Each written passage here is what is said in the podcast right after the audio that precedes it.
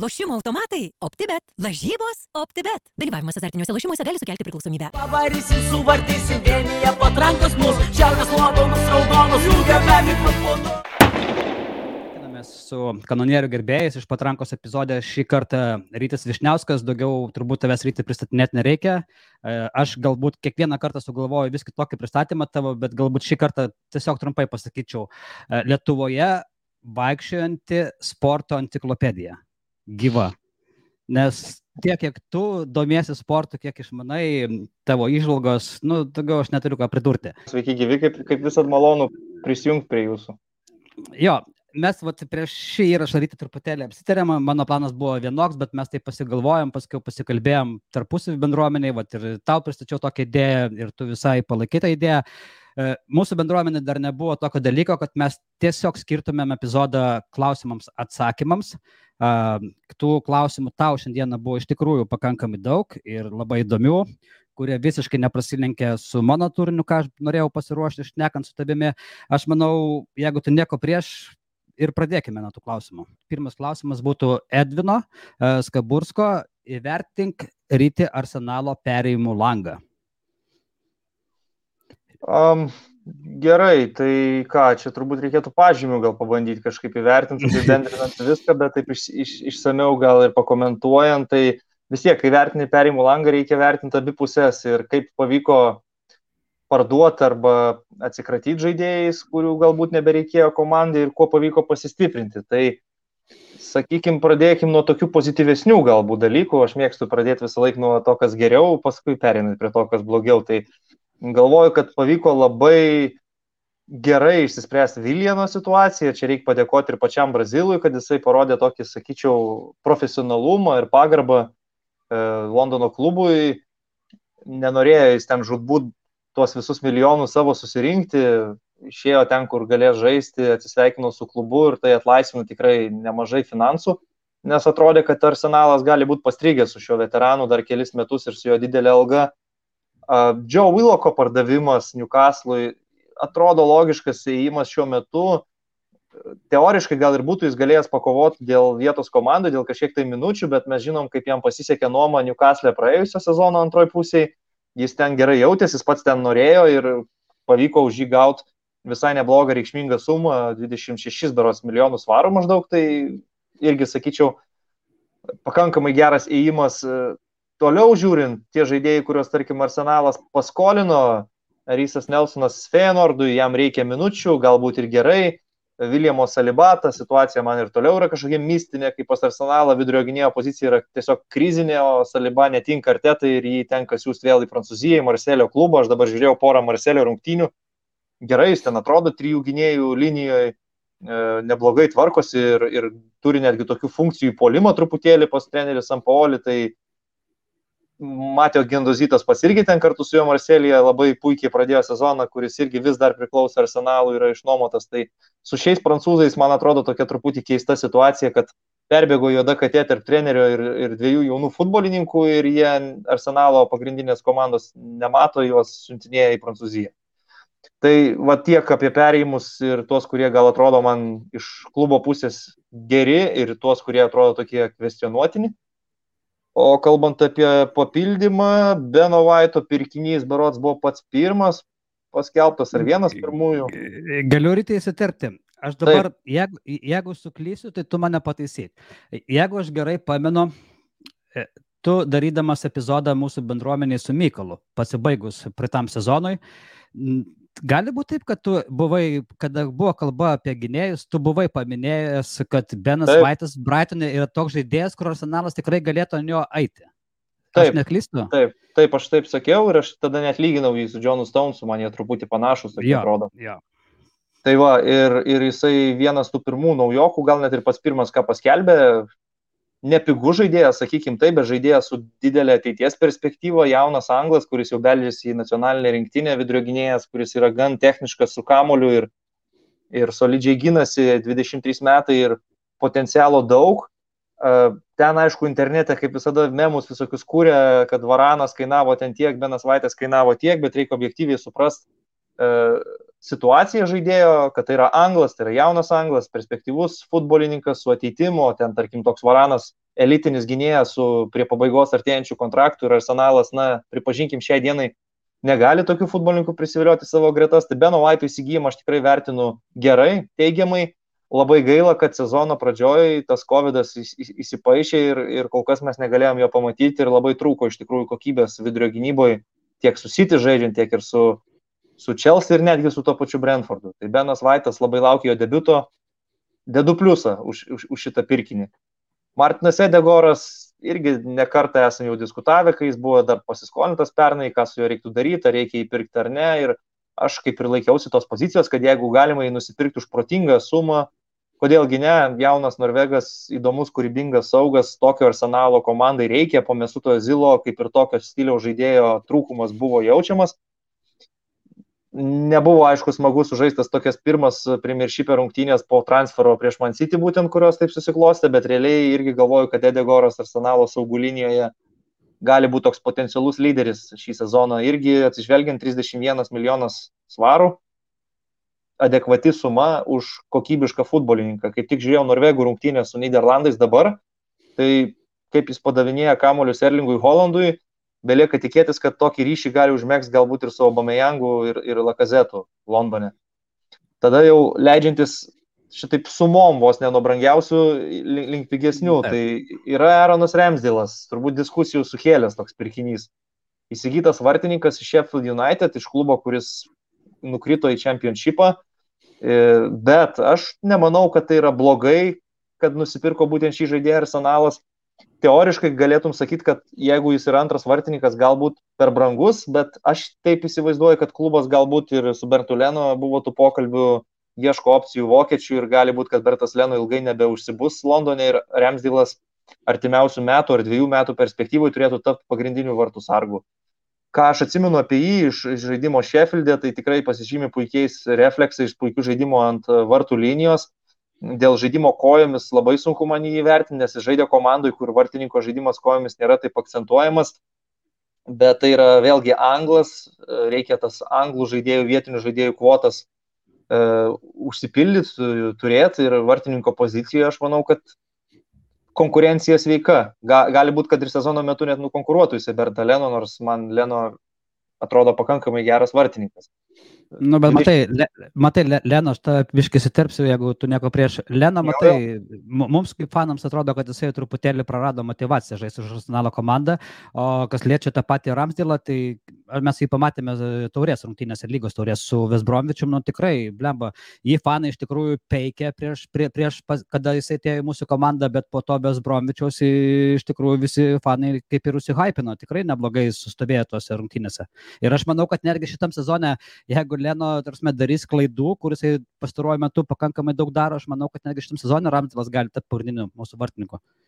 Jo, ir šiaip tai yra geras vartininkas ir labai jaunas vartininkas, jam dar tik 23 metai, tai kaip vartininkų čia yra tarsi saugui būtų 19 maždaug. Tai ateičiai vartininko pozicija, tikėkime, yra sutvarkyta ir nelabai aš irgi pritariu tai kritikai, kur žmonės sako, kad va, perka vartininką iš komandos, kuri nukrito į čempionšipą. Bet jinai ne. nukrito ne dėl vartininko, jinai nukrito dėl kitų priežasčių.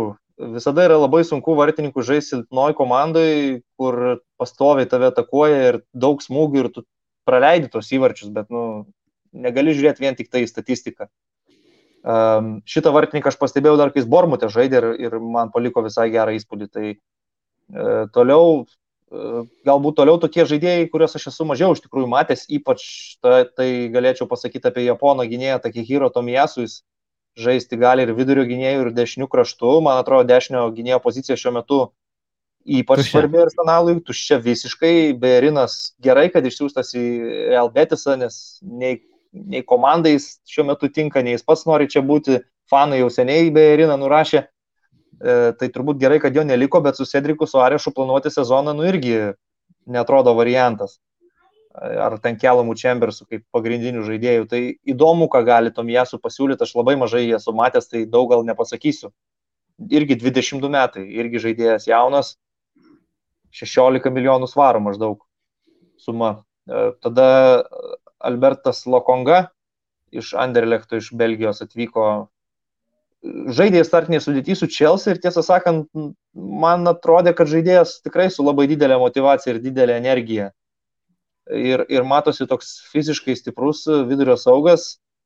Galbūt per pirmą sezoną jis ir netaps kažkokiu tai komandos lyderiu, bet man tas jo pirmas pasirodymas ir įspūdis toks, kad galima iš jo nulipdyti žaidėją ir ateityje jis gali arsenalui būti labai naudingas. Irgi kaina panaši apie arti 16 milijonų svarų.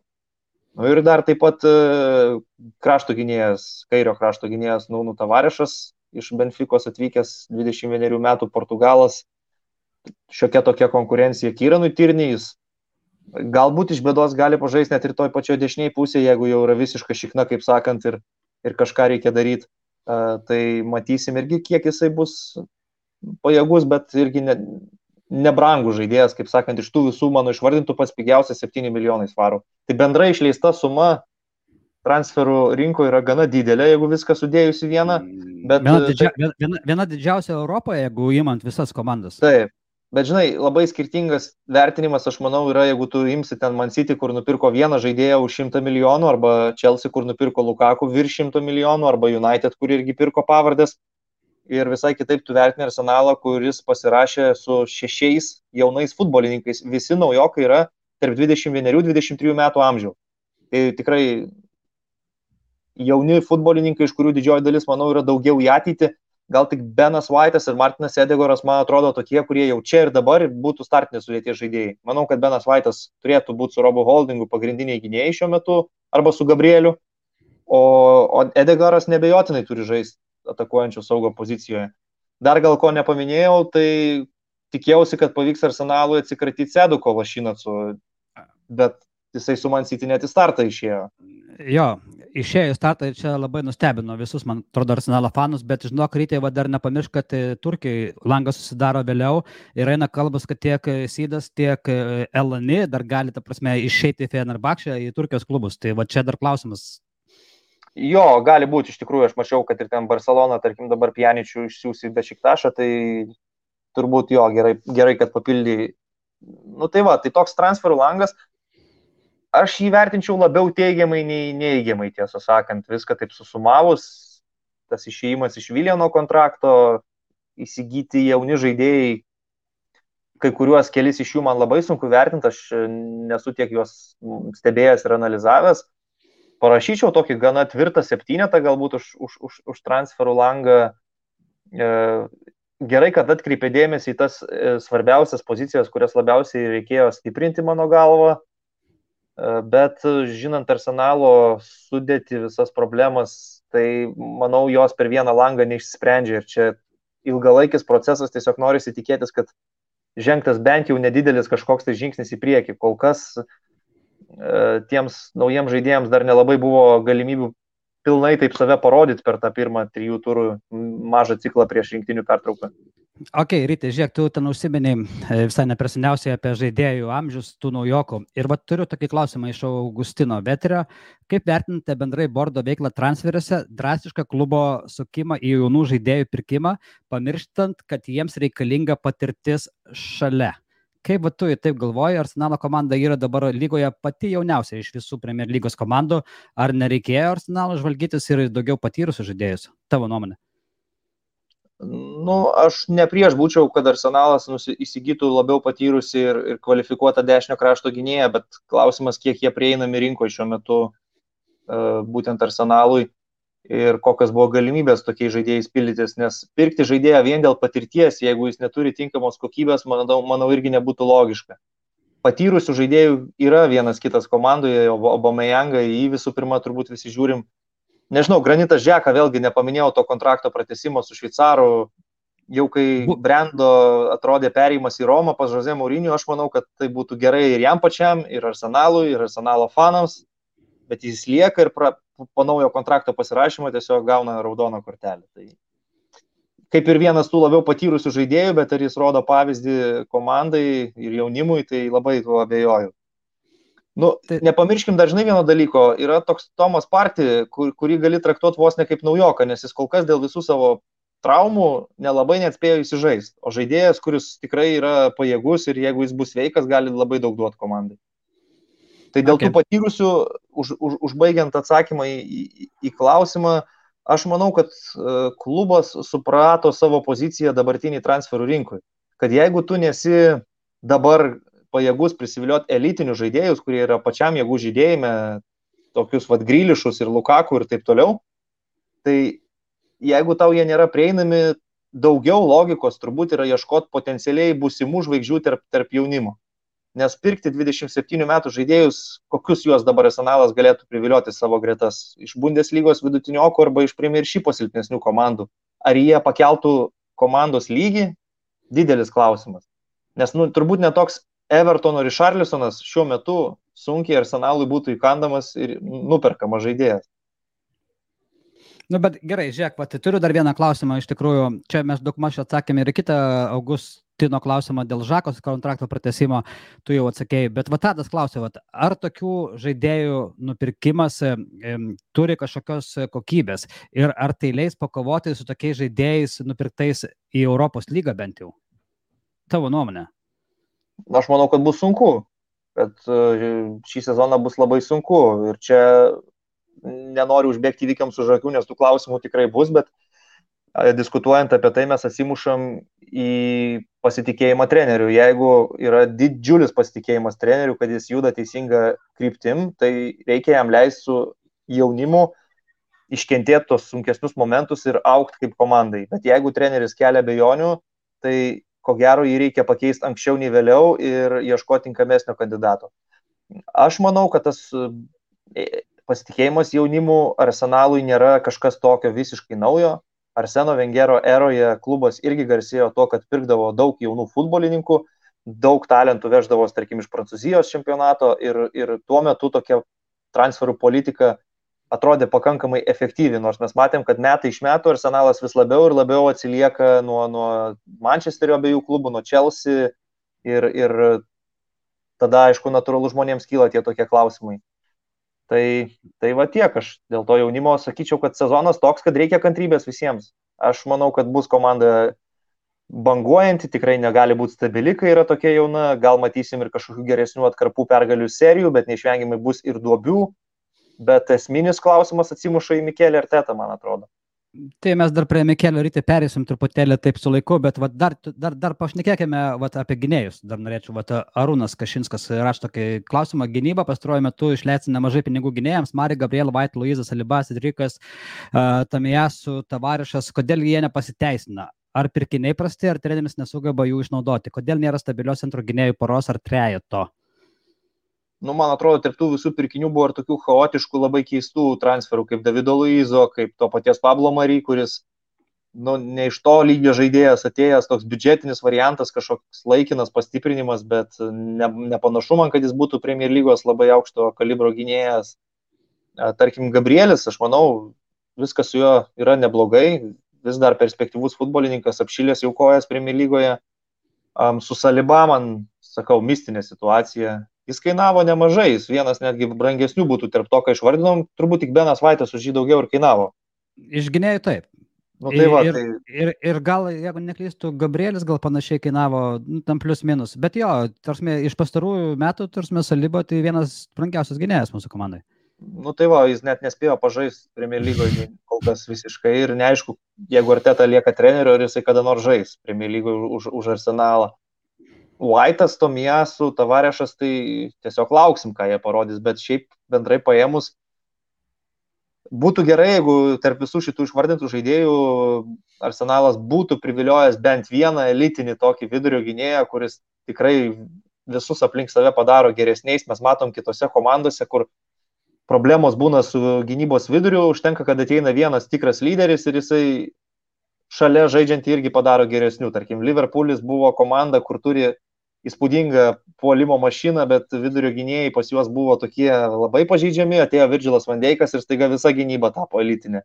Manchester City ten irgi vieną sezoną atrodė, kad e, neturi kam, e, nėra kam gintis komandoje, Stonesas atrodė nurašytas žaidėjas, ateina vienas portugalas, Rubenas Diešas ir staiga jau ir Stonesas geras ir visi kiti aplink yra geri. Tai vieno tokio tikro lyderio ir labai solidaus vidurio gynėjo tikrai reikėtų ir su juo visa situacija atrodytų geresnė ir, sakykime, jeigu tu statai labai jauną vidurio gynėją, ten White ar, ar Gabrielį, jam bus lengviau šalia patyrusio labai aukšto lygio žaidėjo, bet čia vėl klausimas, kiek arsenalas pajėgus tuos elitinius gynėjus šiai dienai įsigyti. Tai manau, kad iš dalies yra ir trenerio problema, tiesą sakant, nes kai tu matai, kad treneris meta į rungtynės tris vidurio gynėjus ir jie vis tiek atrodo kažkokie pasimetę ir sutrikę, tai pagalvoju, kad kai kuriuose kitose silpnesnėse komandose vis tiek jie yra įpratę prie savo funkcijų ir jie moka bent jau išlaikytą pagrindą ir komandinę kažkokią solidžią gynybą, o dabar arsenalas išeina žaisti su Man City pasistatęs tris aukštus gynėjus ir septintą minutę gauna įvartį galvą nuo 1,75 cm ūgio Gindogano. Nu, tai čia tikrai gana absurdiškas, absurdiškas pavyzdys tiesiog. Taip, pilnai sutinku. Dabar iš tikrųjų pabandysiu iš dviejų žmonių padaryti vieną komentarą.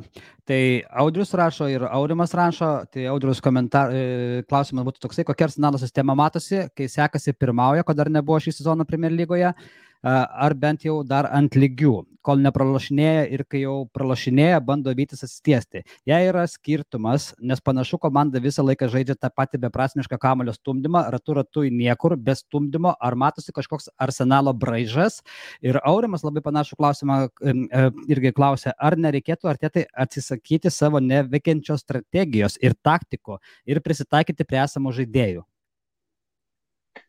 Geri klausimai, iš tikrųjų, mano supratimu, žiūrint tuos žaidėjus, kokie komandai šiuo metu yra ir jeigu tavo priekinėje linijoje, tarkime, žaidžia Pepe, Obomejangas, e, Saka, galbūt iš tikrųjų prie tokios komandos labiau tiktų kontratakuojančio žaidimo stilius. Tokia komanda, kuri daugiau orientuojasi į kontrataką, žaidžia labiau antrų numerių, bet tam, kad žaisti antrų numerių išeitų efektyviai, reikia ir gero atraminio saugo, ir patikimesnės gynybos linijos. Tai tokia truputį atrodo ne, iki galo subalansuota komanda, kuriai pritaikyti labai aišku žaidimo stilių net ir neišeina. Bet man atrodo, kad tikrai jeigu tiek laiko jau neveikia tos idėjos, bandyti kažką keisti reikia ir, ir, ir netgi būtina. Ir tai, kas yra dabar, aš pilnai matau komandą, kuri labiau galėtų žaisti kontratakuojantį futbolą. E, klausimas, kiek karteta ir jo filosofija prisitaikyti gali prie to um, nusakykime, rungtynė su Brentfordu. Čia man labiau pavyzdys, nes Chelsea ir City šiaip ar taip yra stipresnės komandos. Nu, gerai, ten galėjo geriau sukovoti, sakykime, galėjo kai kurios aplinkybės sukristi truputį kitaip, bet principė ten buvo tokie vos neplanuoti pralaimėjimai. Bet rungtynė su Brentfordu. Nu, praleidai įvartį, bet tai neturi būti kažkokia tai tau, kažkoks nuosprendis. Turi būti planas B, turi būti žaidimas kažkoks tai O komanda po to vieno praleistų įvarčio niekada man net ir netrodė, kad e, gali perlaužtas rungtynės. Tai tas vat, yra truputį liūdna, kad atrodytų nebuvo nei kažkokio aiš, aiškaus plano, kaip mes galim reaguoti, jeigu Brentfordas įmuš, jeigu Brentfordas paims iniciatyvą ir taip toliau. Tiesiog buvo kažkokie pavieniai veiksmai, pepės bandymai, dar kažkas. Ir net negali pasiteisinti, kad nebuvo Lakazeto ir nebuvo Bomejango. Nu, kaip be būtų žaidėjai su Brentfordu, ne, ne, ne su Chelsea ir ne su Manchester City. Tai Tai tokie pasvarstymai, aš manau, kad prie dabartinių žaidėjų kontratakuojantis žaidimo stilius galėtų netgi būti tinkamas, bet, bet reikia, kad visi būtų sveiki, kad, tarkim, Tomas Partį būtų pasiruošęs atlikti juodą darbą aikštės viduryje, eiti dvikovas, atsikovot kamolius ir taip toliau.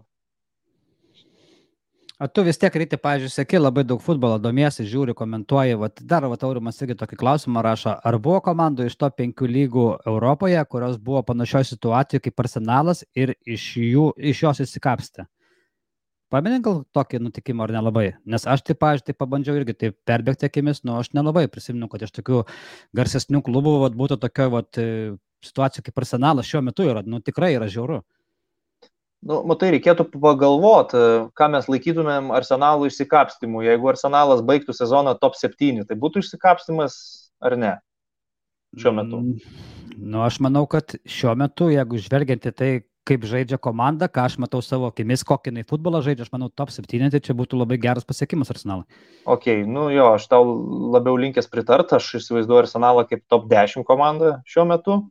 Nu, ir Taip, ir tai dar klausimas, dar klausimas. Nu, aš, aš turiu vilties, kad po rinktinių pertraukos situacija truputėlį taisysis, bet aš netgi lyginčiau šitą dabartinę situaciją su to paties arsenalo situacija, dar treniruojant Vengerui, kai buvo transferų langų užsidarant parduoti žaidėjai, dar nespėta įsigyti naujokų, buvo pralaimėjimas 2-8 Old Trafford'e, Ir lygiai taip pat viskas atrodė labai blogai, bet paskui truputį stabilizavosi viskas ir, ir susigulėjo, kaip sakant.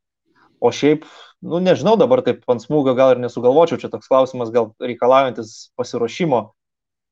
E, nenorėčiau lyginti arsenalo ten su kokia Gelsenkircheno šalkė, kur skendo, skendo ir galiausiai visiškai nuskendo, netikiu, kad toks scenarius įmanomas.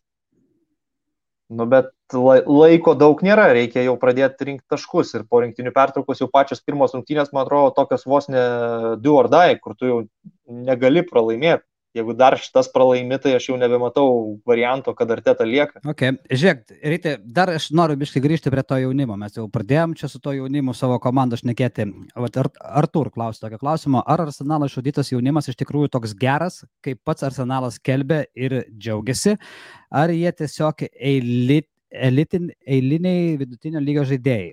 Dėl sako kaip ir aišku, o kaip kiti. Vat Vilokas, vat, mes irgi apšnekėjai, kad išsiųstas paskiau, vat Nailsas dar yra. Kaip tu vertintum tą visą jaunimą? Nes iš tikrųjų dabar arsenalas tai pagrindinto jaunimo ir žaidžia.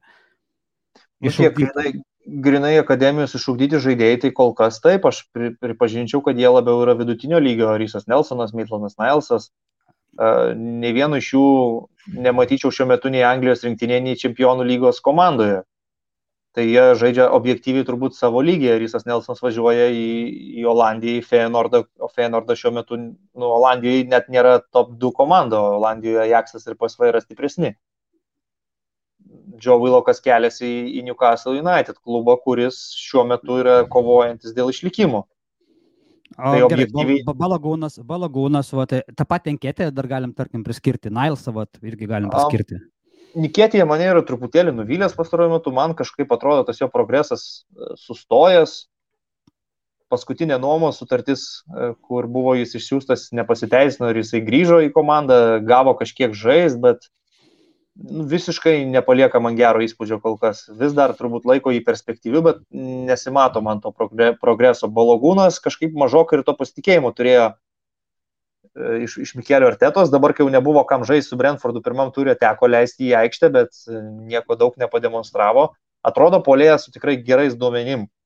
Ir galbūt jis gali, jeigu arsenalas parduotų ar atsisveikintų kaip su laisvu agentu, tarkim, Lakazetu, tai dėl jaunimo Maitlanas Nailsas, nu irgi man, nežinau, vid, priemiršypo vidutiniokas atrodo, kurio net ir geriausia pozicija tokia nėra iki galo aiški, ar jisai vidurio saugas, ar jisai ar jis labiau atraminis, ar jisai netgi krašte, kur kartais gali būti statomas. Tai ne vienas iš jų kol kas ne, nepanašus, kad net arti būtų Anglijos rinktinės, kas galėtų būti toks jau kaip, nu, lakmuso popierėlis. Jeigu tu žiūri, sakykime, Manchester United, išaugintus pastaro, pastaruoju metu futbolininkus. Tai yra Rashfordas, tai yra Greenwoodas, tai yra McTominajus, jeigu žiūri Chelsea, tai yra Mountas visų pirma, Temi Abrahamos jau pribrendęs polėjas, kuris dabar pers, persikėlė į Italiją ir atrodo, kad šitų klubų išauginti žaidėjai kiekių, skaičium gal jų yra mažiau, bet jie yra kokybiškesni nei Taip. Arsenalo.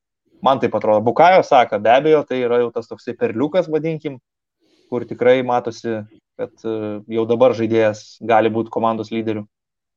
Ok. Ok. O kokia tavo nuomonė, vat Mindaugas irgi tau turi klausimą, kokia tavo rytį nuomonė konkrečiai dėl e, Nailsto? Du sezonus komanda su juo feilina ant transferų, kodėl? Ir gal jis dar gali duoti naudos komandai? Kaip tu VPS, turbūt girdėjai tą istoriją su Nailsu, kad jisai jau ten Instagram'e, va, irgi išnekėjom prieš tai įrašą. Kaip pats vertintum Nailso situaciją? Jisai realiai komanda du sezonus sufeilino jį parduoti už pakankamai gerus pinigus. Ten ėjo kalba į Vulsus už 25 milijonus praeitą sezoną, dabar ėjo kalba apie 20 milijonų į Evertoną berots ar kur tenais. Ir komanda nesutiko jo parduoti, išnuomoti, prasme, su galimybė išpirkti, bet žais kaip ir neleidžia. Tavo nuomonė? Nu, jisai toks atrodo žaidėjas, kurį apsimoka turėti komandai, todėl kad jis gali žaisti keturiose, penkiose pozicijose ir, ir rotacijai sudėties giliui jis toksai visai parankus e, žaidėjas. Bet kažkaip tai man jis atrodo irgi vienas iš tų tokių vidutiniokų. Atsimenu, kai jis buvo praėjusią sezoną paskolintas Vesbromui, gavo ten žais, bet tokio vat outsiderio komandai nu, nesugebėjo išsiskirti talentų ar kažkuo tai nežinau, man atrodo, jeigu tikrai buvo pasiūlymai 20 milijonų, 25 milijonų, tai lygiai taip pat kaip Joe Willoką, manau, kad reikėjo parduoti ir Maitlandą Nilesą, nes šiuo metu, jeigu jis yra artėtos planuose, tai vis tiek kaip atsarginis. kaip rotacijos žaidėjas. Tai jeigu tu gali už atsarginį žaidėją gauti tokį pelną 20 milijonų, žinant tai, kad jis pats tau nekainavo, jis tavo išaugintas akademijoje, tai aš būčiau pasirašęs ant tokio transfero. Ir, ir tiesą sakant, jeigu jisai nueitų į tokį Evertoną, aš negarantuočiau, kad jisai Evertono komandoje būtų išskirtinė figūra. Ne, tai jisai būtų toks kaip Eivobis buvo, ta prasme, irgi amžinai perspektyvus ar nacionalo akademijos žaidėjas, nuėjo tenais už gerus pinigus į Everton, nu ką, Eivobis Everton daro, nu ten kartais įmaša tų įvarčių, bet iš tikrųjų vidutinis žaidėjas. Nu, žinant, kiek jis kainavo Evertonui, tai aš sakyčiau, jis yra Evertono inkaras ir čia, čia vienas, geriausių, vienas geriausių arsenalo pardavimų iš tikrųjų. Taip, taip, ir prakalė, prakalė tokį žaidėją už, už, ten nepamenu, kiek ten 40 milijonų gal ar tito. Tai... Ten 35 buvo su bonusais kažkas, bet ten tikrai o, buvo tai... didelė suma ir čia buvo kosmosas visiškai, ir arsenalė visiškai tarsi mane žibėdavo. Tai aš neįsivaizduoju, kaip Evertonas galės sumokėti pinigus. Bet gerai, grįžkime prie mūsų komandos ir dar to pačio Mindogo Kalnėno vienas klausimas. Nu, grįžkime prie Viljamo Salibos. Nejau jis neįsipaišytų šią komandą, ar po tokių nuomų žaidėjams yra noras atstovauti už komandą toliau? Kaip tu galvoji, dabar vat, Vilinas Liba pagal kontraktą buvo viena, ten jau buvo sutarta, kad pirmus metus žaidžia nuomas, e, du metus įsiuntė arsenalas vėl jie nuomas paskiau, e, dabar jam kontraktė liko du metai ir jis dabar vasarą grįžta į arsenalą. Ar pats žaidėjas turi motivacijos atstovauti už klubą, kuris juo netiki? Tai man atrodo, čia reikėtų kitaip formuluoti. Už klubą jis gal ir rastų motivacijos. Čia labiau yra trenerio klausimas. Ir matyt, kad e, tarp jo ir Mikelio Artetos santykiai yra tokie, kad kažkas ten nutiko ir Arteta jo nepasitikė, o jisai, aišku, tokiu atveju pas šitą trenerį irgi didelio noro žaisti turbūt neturi. Jeigu būtų pokyčiai, naujas treneris Saliba grįžta po nuomos, tai gali būti kaip tokia tiesiog nauja pradžia ir, ir galbūt jau tikrai matytume Viljamą Salibą žaidžiantį už, už Londono arsenalą. Kaip jau minėjau, šį sezoną žiūrėjau dviejas rungtynės Marselio Olimpiko, abiejose Saliba man labai gerai atrodė, labai smagiai mobilus gynėjas, pakankamai greitas, toks drasus, e, kaip sakiau, trijų gynėjų linijoje jisai jungiasi ir į polimą. Man keista tai, kas su juo vyksta iš tikrųjų. O dėl žaidėjo motivacijos, tai čia turbūt turim kalbėti ne apie klubo požiūrį į Salibą, o konkrečiai vyriausiojo trenerio dabartinio Mikelio Artetos. Nu tai aš taip, jeigu savo nuomonę pasakyčiau ryte, tai aš taip galvoju, kad e, salybos die, dienos arsenalė, jeigu arteta lieka prie komandos vairo, yra suskaičiuotos, jisai vasarą yra parduodamas, nes kito aš kelio nematau, tikrai žaidėjas nepratęs kontrakto, jeigu arteta atleidžia, pats išeina ten, tarkim, parodys tenais vyriškumą po blogų rezultatų, tai tada dar salybą gal ir mes pamatysime, bet šiaip tai aš labai mažai šansų duodu, jeigu arteta lieka. Tai ir... aš panašiai matau šitą situaciją jo. Ir kaip tik vat ir Mindugas, bet jau čia kitas Kryževičius irgi turi tokį klausimą, kas galėtų pakeisti Arteto trenerio postą? Ar svaišiojimai apie Kontį yra realūs? Nežinau, man, man tiesą sakant, netrodo labai realūs. Man tai toks treneris, kuris e, turi ambicijas treniruoti čempioniškas komandas arba komandas, kurios yra arti to ir gali jam pasiūlyti, vadinkim taip, tinkamus resursus mes žinom, kad, tarkim, jisai su Milano Interu laimėjo Italijos čempionų titulą, bet uh, matydamas, kad klube yra finansinė krizė, kad bus parduodamas Romelu Lukaku, nusprendė komandą palikti. Tai klausimas, ar jis norėtų eiti į komandą, kuriai reikia vos ne viską pertvarkyti, kur reikia dirbti su jaunimu, kur reikia treniruoti 21-23 metų tokį jauną brandolį komandos ir, ir netrodo man, kad Konte būtų pats tinkamiausias variantas. Taip, tai yra treneris, kuris įveda discipliną, kuris įveda griežtas taisyklės, garsėja to, kad sutvarko gynybą, kaip tik tokį kontratakuojantį futbolą propaguoja, bet aš abejoju, ar arsenalas jį galėtų privilioti šiuo metu ir ko gero, kad reikėtų žvalgytis kažkur į, į jeigu žaidėjai jauni, tai ir į trenerius jaunesnius, talentingus, bet ne tokius, kurie dirbo asistentų vis tiek, kad būtų tai specialistas su jau kažkokia tai patirtimi, kuris ar tai būtų, nežinau, iš Ispanijos, ar, ar, ar, ar darytis į Prancūzijos, ten Portugalijos čempionatus. Visokių variantų yra. Man, pavyzdžiui, labai patinka e, Wolverhamptonas. Pradėjo irgi sezoną trim pralaimėjimais, ar ne? Bet yra naujas treneris Bruno Lažė, visas trys rungtynės žiūrėjau, konvertavo komandą iš gynybinės kontratakuojančios į atakuojančią, dominuojančią, žaidė puikų gražų futbolą ir su United, ir su Tottenhamu, ir su Lesteriu, galėjo laimėti realiai visas tris rungtynės, tik žaidėjai neišnaudojo progų, bet tu matai, kad atėjo naujas treneris ir iš karto tvarko žaidimo stilių ir komanda atrodo įdomiai, simpatiškai. Tai vad kažkokio tokio žmogaus galbūt arsenalui irgi reikėtų ieškoti, bet Antonijo Kontė abejoju, abejoju, ar jis būtų įkandamas e, šiuo metu. Okay. Bet kaip, pavyzdžiui, pats e, manai, va, tai kokie šansai, kad Arteta bus atleistas e, šiame sezone? Aš manau, kad jie vis didėja ir, ir tas, to pasitikėjimo lieka vis mažiau ir spaudimas klubui vis didesnis ir, ir tikrai manau, kad artimiausios rungtynės po rinktinių pertraukos gali būti tokios vos ne esminės. Jeigu su Noridžu ir, ir, ir panašiom komandom nesimatys nu, jokio visiškai žaidybinio progreso, tai gali būti priimti jau tie sprendimai. Beje, dar dėl trenerių, aš sakyčiau, verta sekti vokiečių trenerius Vokietijos Bundesliga, nes pastaraisiais metais būtent vokiečiai augina pačius geriausius specialistus ir, ir iš ten, man atrodo, galima kaž, kažką tikėtis atrasti. Tai, tai tiek galbūt. O dėl atleidimo artetos man jis kuo toliau, tuo, tuo labiau realus atrodo.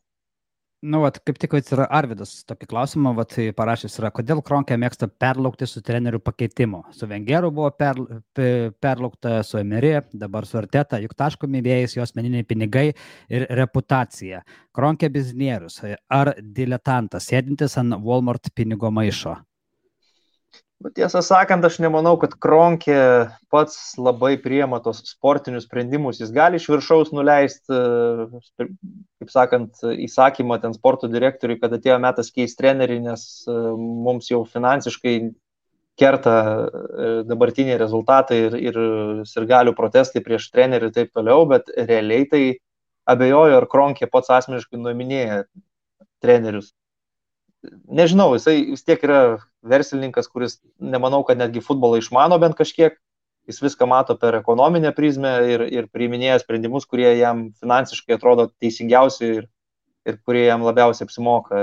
Reikia suprasti, kad toks vat amerikietis Kronkė mato arsenalo fanus ne kaip kažkokius tai sirgalius, mato juos kaip klientus, kurie uh, ateina pas jį apsipirkti, apsilankyti jo jo, kaip sakant, e, muziejuje, galima sakyti, stadione Emirates arba apsipirkti fanshopę ir jisai mato tos klientus ir jeigu klientai nepatenkinti ir e, praranda verslas pelną, tai tada jisai galbūt ir kažko ieško, kaip, kaip galima e, pagerinti situaciją, ar ne. Kodėl perlaukė, nežinau, aš netgi dėl Arseno Vengero dabar taip retrospektyviai žiūrint klausimas, ar, ar taip jau ten blogai buvo ir ar tikrai buvo perlaukta Unai Emery, nu, man irgi atrodo, kad nėra, kad ten jau labai jau ten tempia iki, iki tokio, kad jau pasiektas buvo kritinis taškas ir visiškas dugnas. Čia gal su Arteta kol kas rodoma tokia didžiulė kantrybė, bet jeigu deklaruota nuo pat pradžių, kad pasiemėm Guardiolos asistentą, kuris yra jaunas, ambicingas ir mes jam duosim laiko ir mes jauninsim komandą ir čia bus ilgalaikis procesas, nu tai jie kaip ir bando laikytis to savo užbraštos linijos. Tai va, kaip tik ir Dominikas, va, tokį klausimą parašęs yra ryte, ar, ar, tikra, ar tikrai transfer proces? Kaip tu galvo, ką tu manai apie tą procesą visą? Jisai yra geras? Nu, nepanašu. Aš, man tiesą sakant, praėjęs sezonas buvo labai svarbus, kur aš galvojau, kad, okei, okay, prieš tai laimėta TNFI taurė, kažkas pavyko, kažkas ne, bet dabar va toks pilnas sezonas, kur žais Europos lygoje, žais Premiership'e, ir, ir galvojau, jeigu matysis žaidimo vizija, jeigu matysis kažkoks atsiradęs stabilumas, e, sėkmingesni transferai, jeigu klubas, tarkim, finišuos top 6 arba laimės Europos lygą, tai tikrai vertinčiau kaip proceso testinumą teisinga kryptimi. Bet žinom, kad Europos lygoje buvo pralaimėta prieš to paties Emery Vierelį, žinom, kad Premier lygoje komanda visiškai užbuksavo ir, ir net nepakovojo, tai primčiau dėl patekimo į Europą matom, kaip prasidėjo naujas sezonas. Tai procesas, kad ir koks jis būtų, nu čia ne NBA, kur, kur tu gali kentėti penkis metus, kol išlauksi gerų mainų arba gero laisvo agento ir viskas pasikeis. Čia turi būti rezultatai ir rezultatų gerėjimas su kiekvienu sezonu, jeigu naujas treneris vysto kažkokią tai idėją, o rezultatų aš net matau net ne tai, kad gerėjimo, o regresą. Su kiekvienais metais prašiau ir prašiau. Taip, ir mes, Tai- mes, mes jau šnekėjom praeitam sezonė, e, praeito sezono viduryje ir mes dar kažkiek, ar teta, tiek tu, tiek aš, tarsi mes tengiamės palaikyti, sakėm, kad dar reikia laiko, jam komandą reikia sustatyti, jisai turi dar žaidėjų nuo Vengero laikų likusio, bet panašu, kad ar teta dabar su komanda sustatė pagal save, pagal savo ten tą visą procesą, vat kaip pat ir Dominikas rašo ir panašu, kad nu, tas neveikia. Visiškai. Man irgi, man irgi tai panašu ir, ir žinai, čia- Trenerio kompetencijos, e, maža trenerio kompetencija, ar kas čia, ar žaidėjai blogi, silpni nupirkti. Edu gal kaltas, nes Edu irgi labai už tos transferus atsakingas. Nu, čia manau, kad visi bendrai turėtų prisimti dalį atsakomybės dėl, dėl visko, kas, kas vyksta ir dėl tų rezultatų, kuriuos mes matom. Bet, e, žinai, nu, gali būti ir taip, kad Mikelis Arteta, kaip žmogus be vyriausio trenerio patirties, kaip Per greitai pirmam darbui, kaip pirmam darbui gavo per didelį iššūkį. Nes arsenalo kėdė bet kuriam treneriui nebūtų lengva ten tuo metu ateiti vietoj Unai Emery, tam pačiam Emery nebuvo lengva kėdė ateiti po Vengero ilgų metų.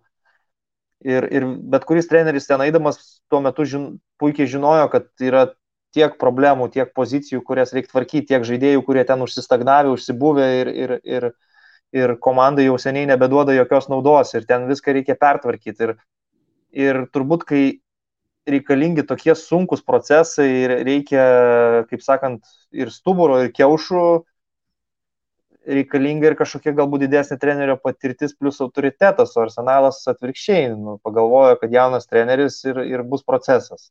Idėja gal skamba ir gražiai, bet realybėje, nu, didelių abejonių dabar jau kyla, ar, ar, ar tai tas įkandamas toks iššūkis Mikeliu ir Tetai. Tu perimi klubą, kuris kaip klubas yra elitinis, ar ne? Savo visą istoriją, savo dydžių, savo fanų bazę, savo reputaciją, bet kaip komanda jinai nėra elitinė. Ir dabar tavo užduotis yra elitinį klubą gražinti tą lygį, kuriame jis turi būti iš sportinės pusės. Tai tarkim, Jurgenui Klopui tą pavyko padaryti su Liverpooliu. Bet Jurgenas Klopas atėjo turėdamas su savim e, Bundeslygos titulus laimėtus prieš Bayerną, pasiektą čempionų lygos finalą ir, ir, ir taip toliau. Nors negali sakyti, kad Liverpoolis jį iš karto apipylė pinigais, kai jis atėjo. Bet žingsnis po žingsnio viskas ėjo teisinga kryptimi ir tu tikrai matei tą procesą. Su Arsenalu ir Arteta, nu, aš ilgai kažkaip laikiausi to optimizmo, bet nematau aš to proceso. Na, bet va, Donatas irgi rašo tokį dalyką. e, Ar tu pritari Vengero išėjimui?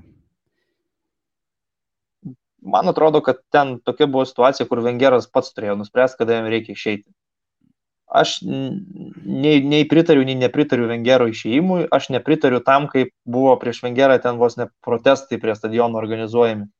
Aš manau, kad buvo perlenkta lasda ir, ir, ir, ir dabar galbūt, kai jau praėjo kažkiek laiko, labiau į Vengerą žiūrima taip pozityviai, su nostalgija, prisimena tos pačius geriausius metus, bet bendrai paėmus, jis dirbdavo su kronkės jam pat- pateikiamų ten jokingų biudžetų ir bandydavo suktis kaip tik įmanoma. Ir bent jau tiek, kad arsenalas visada buvo kovoje dėl top 4. Ir net tos blogesnius sezonus sugebėdavo pabaigti ar tai ketvirtoje vietoje, ar tai dar net su kokia fei taurė. Nu, tikrai ir, visie- nebuvo. ir visiems buvo blogai fanams. Ir visiems tuo metu buvo blogai, bet niekas nepagalvojo, kad gali būti dar blogiau, nes Premier lyga yra labai konkurencinga ir, ir, ir nusipirkti gerų žaidėjų gali ir Lesteris, ir Evertonas, ir, ir stiprėja Tottenhamas, e, Šiaurės Londono varžovai ir visa kita. Ir, ir tuo metu atrodė blogai, bet dabar, jeigu tau kažkas pasakytų, kad Arsenalas stabiliai konkuruotų dėl top 4, tai trintum rankom ir sakytum, kad labai puiku.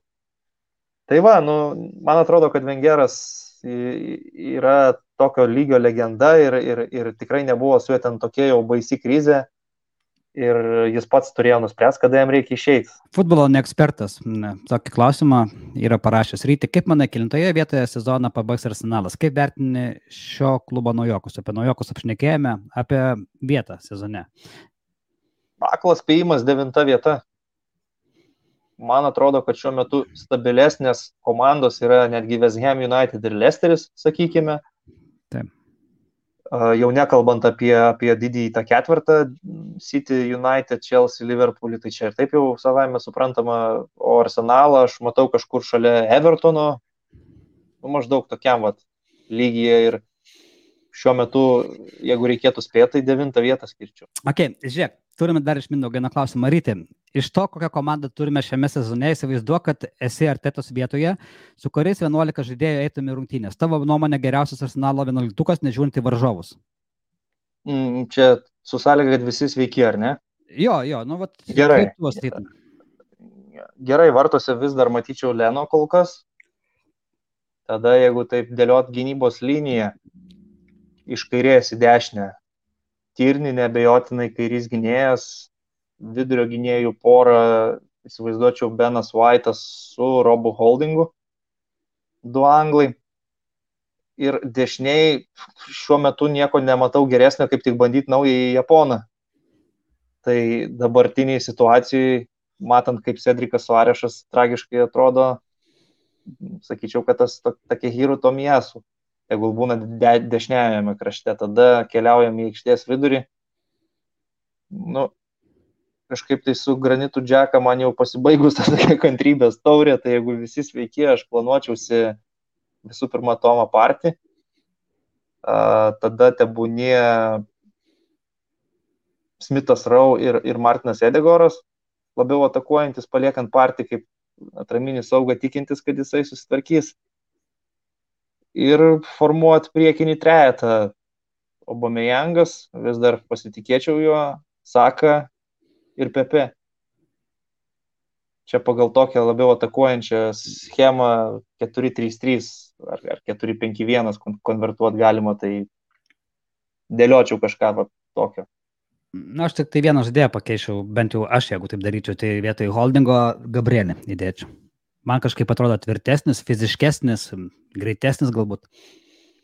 Um, jo, čia gali būti diskusijų klausimas, man jie tokio panašaus galbūt lygio atrodo, bet holdingas man vietomis visai patinka, jis toks pakankamai šaltakraujiškas žaidėjas ir su kitu anglų Benu White'u galėtų teoriškai susigroti ir, ir tokį neblogą suformuotą tandemą. Kaip gražaus futbolo mėgėjų, ar tau patiko Vengerbolas, kaip jį reitinguotum tarp kitų gražaus e, futbolo filosofijų? Imtis pirmoji Vengero vadovavimo pusė iki Pik Fabregas, Nasri, RVP eros. Patiko labai, reitinguoju labai aukštai. Manau, kad e, tuo metu, kai dar, sakykime taip, kad nebuvo tiek atsiradę pinigais užpumpuotų klubų, tai Vengeras su Thierry Henry, su Piresais, Lumbergais ir visais kitais Patriku Viera turėjo fantastišką komandą, vieną geriausių Europoje, kažkiek apmaudu, kad nelaimėjo ne kartą čempionų lygos, bet tai, ką jie laimėjo, laimėjo žaidžiant pagal savo stilių, atakuojantis gražus futbolas, apskritai Vengeras atėjęs į Premier lygą labai pakeitė visą tą futbolo kultūrą ir konkrečiai Arsenalo klubą. Tai labai aukštai tikrai reitinguoju jo filosofiją ir Vengerbolą ir apskritai man tai tikrai būdavo labai gražus futbolas ir komanda, kuria visada būdavo įdomu įsijungti, kai, kai galėdavau.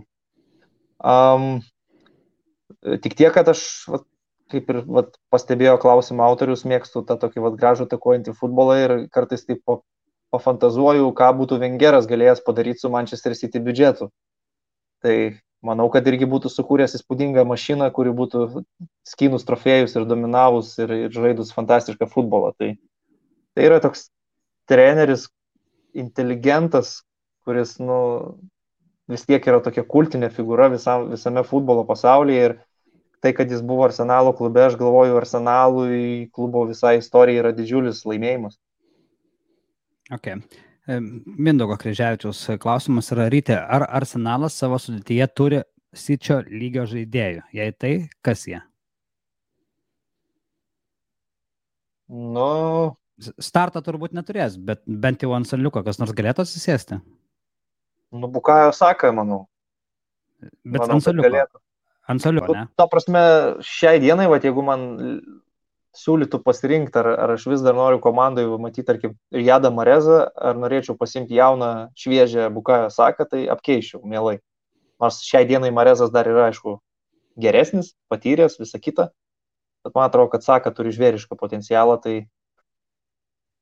tai vat jį gal ir įsivaizduočiau, o visi kiti tai, nu, nežinau, Tirni galbūt, kairys, kairys gynybos kraštas nėra Manchester City ta stipriausia vieta, vienas krašto gynėjas dabar kalėjime, kitas kairio krašto gynėjas šiaip yra dešinio krašto gynėjas, šiaip apie kancelų kalbu, o dar, dar kitas yra Zinčenka. Tai Kiranas Tirnik galbūt tikrai ir nu, galėtų pakonkuruoti, sakykime taip. Tai, tai šios, du žaidėjus paminėčiau, visi kiti ne, neįsivaizduočiau niekaip dabar. Netgi, jei prieš porą metų būčiau sakęs gal Abamejangas, tai šiuo metu jau nelabai ir, ir jį galėčiau užskirti. Nu, ypač po pradėjo sezoną ir po jo. šio sezono starto. Jo. Mantas, Mantas dar parašė čia netgi du klausimus, pamatysiu suformuoti šio parašymą. Jūsų nuomonė, ar nelaikas, kalbant apie vartininką, išrinkti vieną, kuris žaistų visas rungtynės, o ne vienas Premier lygoje, kitas kapė? Tai čia pirmas klausimas būtų, o antras klausimas jo būtų irgi, na ir aišku, klausimas, ar jau visi perprato arteto strategijas ir šiame sezone bandysime tik neiškristi iš Premier lygos. Tai va dėl to iškritimo, ar matai tikimybę, kad Arsenalas gali iškristi iš lygos ir va dėl to vartininko? Um, ne, nemanau, kad gali iškristi, tiesą sakant, žaidėjų kokybė yra pakankama, kad neiškristų ar perprato artetos taktikas varžovai, aš gal kitaip sakyčiau, man didelis klausimas, ar perprato artetas taktikas jo žaidėjai. Varžovai, ką ten perprato ar ne, tai manau, kad tos komandos Premier lygoje viena kitą pažįsta iki kaulelio, išsianalizavusios, išsiskautinusios ir tikrai viską žino ir ruošiasi rungtynėms. Bet kartais man labiau atrodo, kad arsenalo žaidėjai nesupranta artetos taktikų, tai čia gal didesnė problema. O dėl vartininko, man atrodo, visiškai normali praktika, kad kažkas, kad vienas, tarkim, atsarginis žaidžia tauriai, kitas žaidžia lygoje, dar ir dėl to, kad jeigu pagrindinis vartininkas patirtų traumą, atsarginis būtų bent jau kažkiek sužaidęs tam sezone ir, ir apšaudytas, sakykime, tai bent jau taurių rungtynėse, nes dabar įsivaizduokim, kad vienas vartininkas žaidė viską, absoliučiai visus mačius sezono metu ir staiga jisai kovo mėnesį susižydė. Ir tada tu turi mesti į, į aikštę vartininką, kuris per sezoną iš vis nežaidė ne vienų rungtynių. Tai, tai nebūtų labai gerai, man atrodo. Bet aišku, kai tu turi tokius jau gana apylygius vartininkus, kaip tarkim panaši dabar situacija yra pas, pas United, kurie turi ir Hendersoną ir Dehėją, tai jau tokia didžiulė konkurencija ir vienas iš jų visada bus nepatenkintas. Tai atsarginio vartininko poziciją klubai sprendžia įvairiai. Vieni kaip tik pasirašo veteraną, kokiu 35-6 metų, kuris jau sutinka su to atsarginio vartininko vaidmeniu, o kiti kaip tik ima į, į antrą vartininką labai jauną žaidėją. Tai čia jau kaip, kaip kas nusprendžia, Arsenalas šiuo metu turbūt turi du tokius konkuruojančius, bet Bertas Leno, mano supratimu, jis Arsenalą gali ir palikti per artimiausius metus. Taip, tai greičiausiai taip ir bus, kad jisai vasarą paliks. Tai va. E, gerai, dar turiu vieną komentariuką tau, visiškai nukrypsant nuo arsenalo, bet galbūt ir čia galime su, ir, ir arsenalą pridėti. E, varas, kas blogai su var sistema, Donatas klausė tokio klausimo, ką keistum teisėjavime? Aš visą laiką, kaip sakiau, man tas varas, jisai kaip ir tinka fiksuoti faktinius taisyklių pažeidimus, tai yra kirto linija ar nekirto nuošalė, bet su interpretaciniais tai nieko taip ir pilnai neišspręs ir kažkokios absoliučios teisybės neįves, vis tiek visada priklausys nuo teisėjo interpretacijos ir, ir, ir mes, mes matom, kad kartais panašiose situacijose švilpia, kartais ne, tai, tai vis tiek tai prie, sprendimus priema teisėjas ir atsakomybė atitenka jam. Man gal norėtųsi, kad ir tos peržiūros vyks, vyktų greičiau ir jeigu teisėjas jaučia, kad reikia nueiti prie monitoriaus, eitų ir žiūrėtų, o ne taip, kad dabar klausosi pusantros minutės ir tada nueina Kitas dalykas, kad tikrai nauda, ko gero, būtų tai, kad e, būtų galimybė teisėjai iškomunikuoti savo sprendimą. Jeigu jisai nuėjo prie ekrano ir pažiūrėjo, kad jisai galėtų pasakyti garsiai, ką jisai nusprendė ir kodėl, ir ką jisai pamatė ten ekrane žiūrėdamas pakartojimą, nes šiai dienai mes galim tik spekuliuoti apie teisėjų sprendimus, diskutuoti, svarstyti, kodėl taip ir ne kitaip, bet aiškumo, kaip jie interpretavo ir ką jie matė, mes neturim, nes teisėjų korpusas kaip visada tyli, atsiribojęs yra, iš jų pusės nebus komunikacijos, teisėjai ten interviu nedalina ir taip toliau ir, ir, ir mes būnam tokie kaip ir nežinomybei. O šiaip galbūt varas ir juda tokia teisingesnė linkme, dabar kažkiek ten pastorintos tos linijos nuošalės fiksuojant, galbūt mažiau bus tų absurdiškų nuošalių, kur ten pažastis milimetrų atsikišus noriu tikėti, kad vis tiek su kiekviena technologija žmonės laikui bėgant išmoksta dirbti. Gal ir su varu bus geriau, bet pastarėjai du sezonai Premier lygos man labai nepatiko. Ta, ta prasme, kiek, kiek buvo suvarų visokių skandalingų situacijų. Jo, dar kaip pagalvojus, stipriausia pasaulio lyga, galima sakyti. O tiek Nu bardako. Iš didžiųjų lygų aš kol kas galiu pasakyti taip, kad vokiečiai su varu dirba turbūt geriausiai, kaip yra įmanoma. Pasispanus, pasitalus būna kaip ir pasanglus visokių cirkų. Vokiečiai, žiūriu daug Bundeslygos, pas juos man kažkaip labai tvarkingai viskas atrodo. Juos galima turbūt kaip tokį pavyzdį paimti. Okay. Gerai, ryti, žiūrėk, mes jau beveik artėjame prie valandos, aš manau, užbaigime šitą vat, epizodą iš patrankos su paskutiniuoju komentaru. Nežinau, kas aš toks. Tai čia Kaspras, mano vienas draugelis live transliacijų, nors aš irgi nežinau, kas jisai toks. Ryti, ko palinkėtum Arsenalo fanams šiuo laikotarpiu ir kaip žiūri į Arsenalo ateitį porą metų į priekį? Palinkėčiau kantrybės, palinkėčiau galbūt vertint geras akimirkas ir džiaugtis pergalėmis tiek pat, kiek būna ten sielvarto liūdėsio ar pykčio po pralaimėjimų, kad nebūtų vien negatyvas dominuojantis viešojo erdvėje, kad, kaip sakant, po pralaimėjimų kritikuoti turbūt nėra sunku, bet reikia kažkiek galbūt ir pasidžiaugti kartais, kartais pergalėmis. Šiuo metu situacija tokia, kad kiekviena pergalė reikėtų džiaugtis palaikant arsenalą. O kelių metų laikotarpyje, kur aš matau matau kovojantį dėl Europos, sakykime taip. Ir pradžiai tai jau būtų šis tas, jeigu komanda būtų pajėgi grįžti grįžt į Europos turnyrus. Matai, kovojantis su Arteta ar su naujojo treneriu? Poros metų laikotarpį. Kažkaip labiau esu palinkęs į tą pusę, kad su nauju treneriu šiai dienai, nes ilgai, ilgai irgi tikėjau Artetą ir tikėjau ir laukiau ir laukiau, bet kai tu nematai to, tokio progreso ir tikrai aš stengiuosi būti objektyvus, čia pas mane nei kažkokių simpatijų, nei antipatijų nėra šitoje vietoje, bet man vis labiau atrodo, kad tas išsiskyrimas yra neišvengiamas anksčiau ir vėliau. Tai ką, ryte, aš tau noriu pasakyti, ačiū dar kartelį, kad radai tą valandėlę su mumis paplepėti ir iki greitų kitų kartų. Iki. Dėkui, iki. Tomatai, OptiBet, lažybos, OptiBet. Dalyvavimas azartiniuose lošimuose gali sukelti priklausomybę.